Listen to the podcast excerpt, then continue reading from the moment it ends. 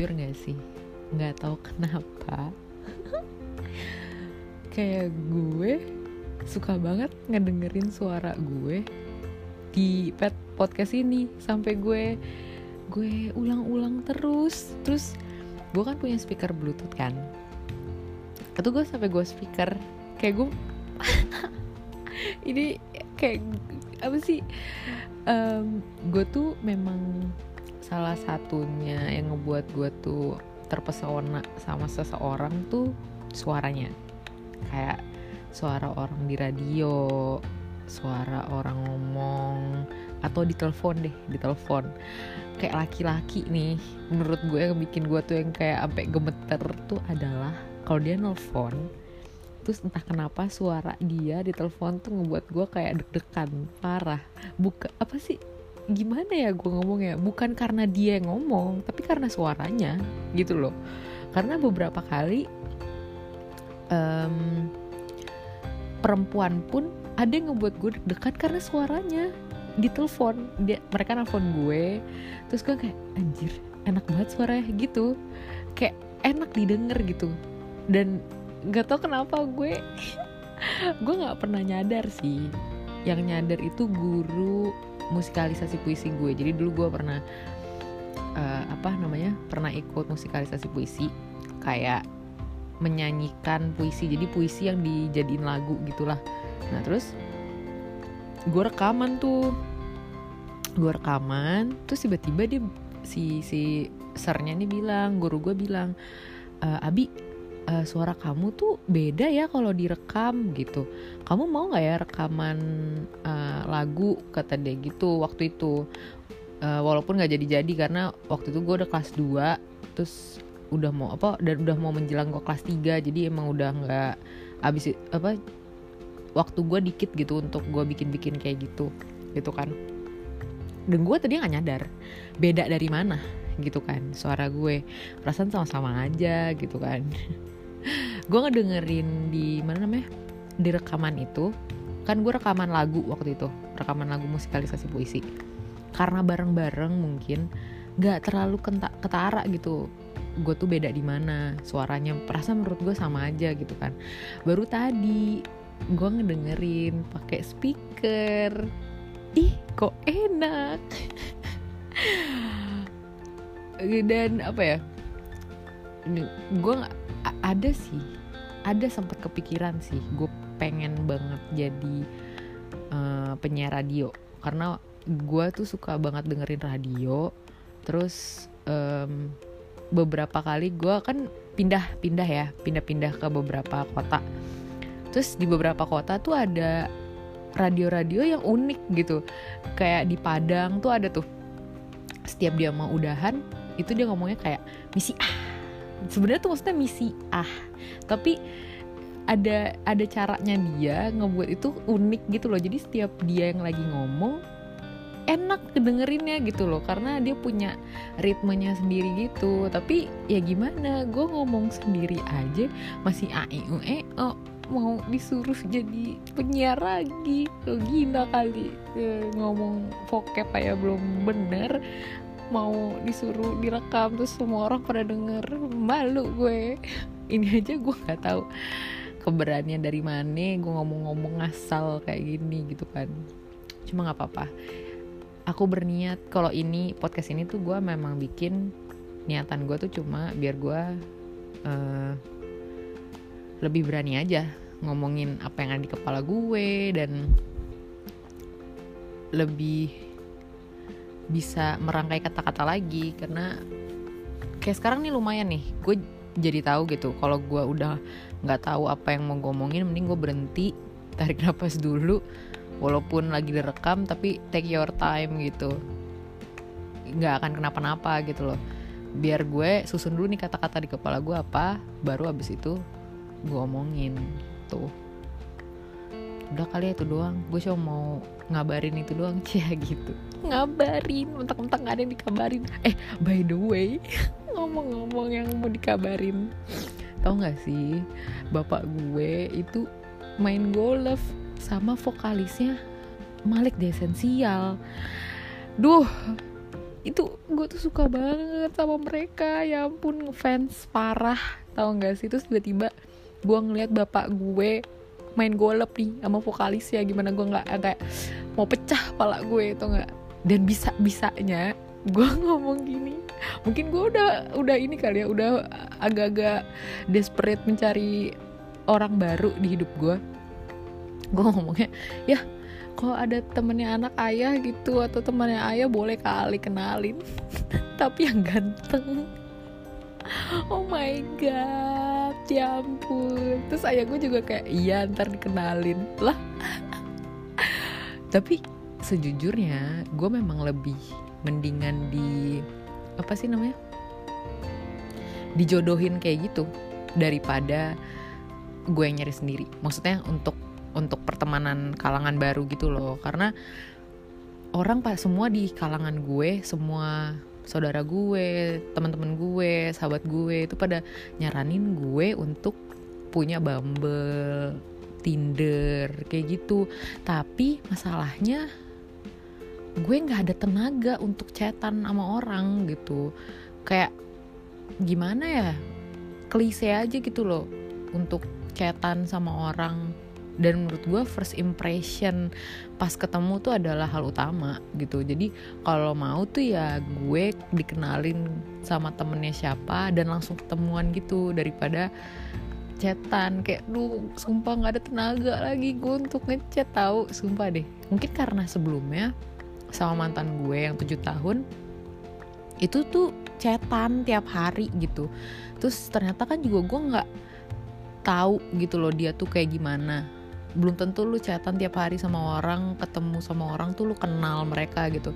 Jadi menurut gue lebih mungkin sekarang gue mau lebih fokus ke apa ya impress pas ketemu kali ya. Gimana dia ngobrol sama gue. Dan karena mungkin gue kalaupun pacaran ataupun punya hubungan spesial sama orang lain kayak gue uh, bakal jarang ngechat mereka karena biar nanti kalau ketemu yang diomongin tuh lebih berbobot gitu. Karena lebih banyak kan. Daripada chatan tiap hari yang akhirnya pas ketemu nggak tahu mau ngomong apa gitu. Kayaknya sih gue mikirnya kayak gitu. Dan gue nggak tahu sih gue bakal terima orang yang langsung ngajakin gue nikah apa enggak karena gue punya anxiety sendiri uh, apa ya? Gue gue gue malah lebih gue masih ada ketakutan ketemu orang yang bakal apa ya nyepelein gue.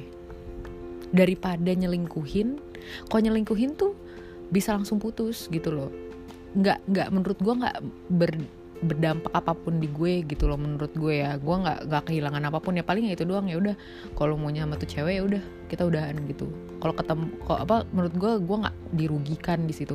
Tapi kalau misalnya dia kayak apa yang ngomongnya abusive secara verbal yang kayak apaan sih lo lebay? gitu. Nggak omongan gue tuh tidak diseriuskan nggak nggak dibikin serius sama dia atau kekhawatiran gue tuh gak di apa ya gak dipikirin matang-matang gitu sama dia. Atau yang kayak mungkin di kepala dia nanti maksudnya kayak mantan gue tuh sempet udah tujuh walaupun tujuh tahun kita bareng-bareng tapi pas di akhir tuh akhirnya dia ngomongin kayak kamu tuh harusnya berubah gitu. Padahal perubahan manusia tuh menurut gue lu, lu tuh nggak punya adil apa pun dalam perubahan orang. Lu nggak punya hak gitu loh. Lu nggak punya hak untuk nyuruh orang berubah. Lu nggak punya hak untuk ya lu ngebantuin orang berubah boleh. Tapi lu nggak punya hak untuk nyuruh dia berubah. Apalagi kayak ya lu berubah dong. Kayak nyuruh merintah. Kayak lu siapa? Gila kali lo. Emang maksudnya suami istri aja menurut gue nggak ada hak gitu loh. Maksudnya yang kayak gitu lebih ke sifat yang ke situ gue takutnya ketemu sama orang gitu loh. Abusive kayak gitu karena ini tuh gue lumayan susah untuk gue melepas abusive dari mantan gue. Mantan gue tuh sebelumnya kayak ngomong gue lebay ngomong gue kayak apaan sih cemburuan apa segala macam padahal ternyata gitu kan gue cemburuan di belakang gue kan dia selingkuh gitu. Ya berarti nggak apa-apa sebenarnya cuma karena ya gimana sih seorang laki-laki yang ingin mengcover kebohongan dia ya di saat pacarnya nanya ya dia akan defensif. Tapi defensifnya akhirnya ngebuat gue ngerasa kayak apa ini salah gue ya gue ngelakuin ini. Nah itu menurut gue seorang manusia yang udah mempertanyakan kayak gitu itu menurut gue salah gitu loh. Maksudnya nggak nggak boleh manusia tuh kayak gitu. Nggak boleh seorang tuh membuat orang lain tuh mempertanyakan diri dia sendiri gitu loh. Jadi kayaknya itu yang lebih gue takutin daripada perselingkuhan gitu loh. Dia uh, abusive dan apalagi dampak after dari abusive itu tuh gue udah ngerasain sendiri gitu loh. Gue kayak mengecilkan diri gue kadang gue kayak ih bego banget sih bi lu. Kayak gitu kayak aduh lu tuh pinter bi gitu. Padahal maksudnya sa sampai dampaknya segitunya sebenarnya sama gue. Dan itu yang ngebuat gue belajar banget kayak bi kali ini lu harus dapet pasangan yang memang dia tahu apa pun yang dia lakukan apa pun yang dia omongin sama dia itu berdampak besar ke pasangannya gitu loh. Hal kecil kayak makanya agak kesel gue sama cowok-cowok yang udah tahu mereka selingkuh. Ceweknya akhirnya tuh pacarnya tahu nih selingkuh. Tapi yang namanya ketahuan selingkuh kan jarang yang emang kelihatan fotonya gitu kan. Paling kan cuma kayak ih kayaknya dia selingkuh deh kok kayak ada yang berubah? Kan gitu ya cewek? Kalau emang lu selingkuh ya udah. Lu iyain aja kenapa sih? Jangan nge-abuse anak orang gitu loh. Jangan lu bilang kayak apaan sih lo lebay? Tapi lu sendiri tidur sama cewek lain yang kayak itu sih menurut gue itu karena waktu lo ngomong kayak gitu lo ngomong apaan sih lebay itu perempuan tuh yang kayak emang iya ya gue mempertanyakan ini lebay. Akhirnya nanti dia malah diinjek-injek sama laki-laki lain. Jadi akhirnya ntar dia bawa yang orang maksudnya perempuan-perempuan yang belum sadar ini akhirnya ngebawa apa ya rasa bersalah itu untuk nanya ke pasangannya. Padahal kan dia punya hak gitu untuk nanya ke pasangannya kamu jalan sama siapa? Cuma karena laki-laki pacar misalnya ya kita katakanlah pacar pertama. Pacar pertama yang bilang dia lebay akhirnya dia pacar kedua ketiga keempatnya dia nggak akan nanya kayak gitu lagi. Takut nanti dibilang lebay. Masa iya sih harus kayak gitu? Kayak egois banget sih lo gitu loh menurut gue tuh laki-laki egois pacar pertamanya yang di situ ya itu egois banget dia defensif. Karena dia nggak mau ketahuan selingkuh gitu. Tapi lu tuh memperburuk apa ya kehidupan orang lain gitu loh. Lu merubah si perempuan ini jadi penakut dan akhirnya gampang di abuse sama laki-laki setelah lo. Dan lu nggak tahu dan lu nggak mau tahu gitu. Itu sih menurut gue kayak udahlah akuin aja.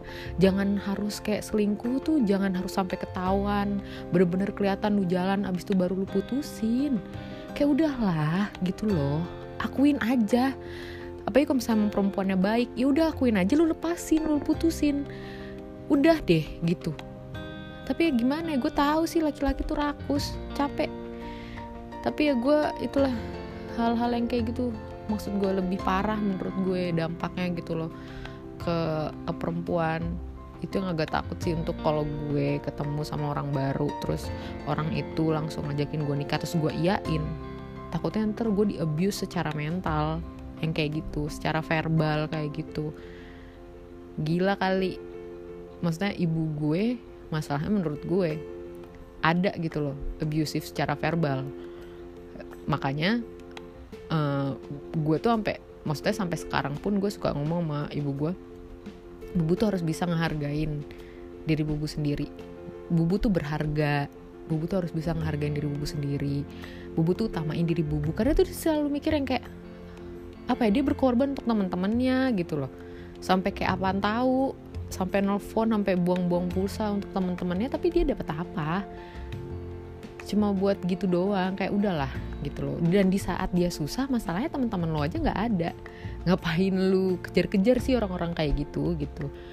Tapi kan itu karena bapak gue juga gitu loh. Bapak gue yang ikut andil di situ dan akhirnya juga kan gue juga marah sama, setelah gue besar gue marah lah sama bapak gue yang kayak ayah bisa nggak sih stop untuk ngomong kayak gitu? Walaupun dia nggak pernah ngomong kayak gitu sama anak-anaknya cuma kan uh, gue must ya gue kasih tahu lah sama bapak gue kalau misalnya ayah ngomong kayak gitu ke bubu atau ke cewek lain udah pasti ntar dampaknya tuh gini loh ke cewek lainnya gitu loh. So bapak gue tuh sempet suka bilang kayak aduh bubu tuh suka kayak gitu deh. Apa apa nggak ngerti apa apa nggak ngerti gitu. Cuma kayak gitu doang padahal. Atau yang kayak apa apa nggak tahu tuh kan makanya gitu. Itu tuh apa ya ibu gue jadi dampak ke ibu gue tuh langsung mikirnya kayak oh ini duh gue bego banget sih gitu. Duh bego lu bu bego lah. Masa ya sih perempuan kayak gitu membego-begokan diri dia sendiri? Ya enggak lah. Gila loh. Udah udah nggak sehat gitu dan itu yang akhirnya berdampak keluar gitu loh. Akhirnya dia tidak uh, mengutamakan diri dia sendiri tidak menghargai diri dia sendiri dan itu yang akhirnya harus diingetin terus gitu loh. Dan anak-anaknya pun untungnya nggak ada yang capek gitu kan. Dan itu gue belajar banget dari situ gitu loh. Kalau misalnya abusive secara verbal mental gitu tuh sampai kayak gitu gitu. Dan itu kayak apalagi ibu gue tuh udah berapa bisa di bisa dibilang 20 tahunan kan sama bapak gue. Dan itu dilakuin sama bapak gue gitu tanpa dia sadar ke ibu gue. Jadi akhirnya sampai sekarang gue sama abang gue sama adik gue itu mencoba untuk selalu ingatin ibu gue.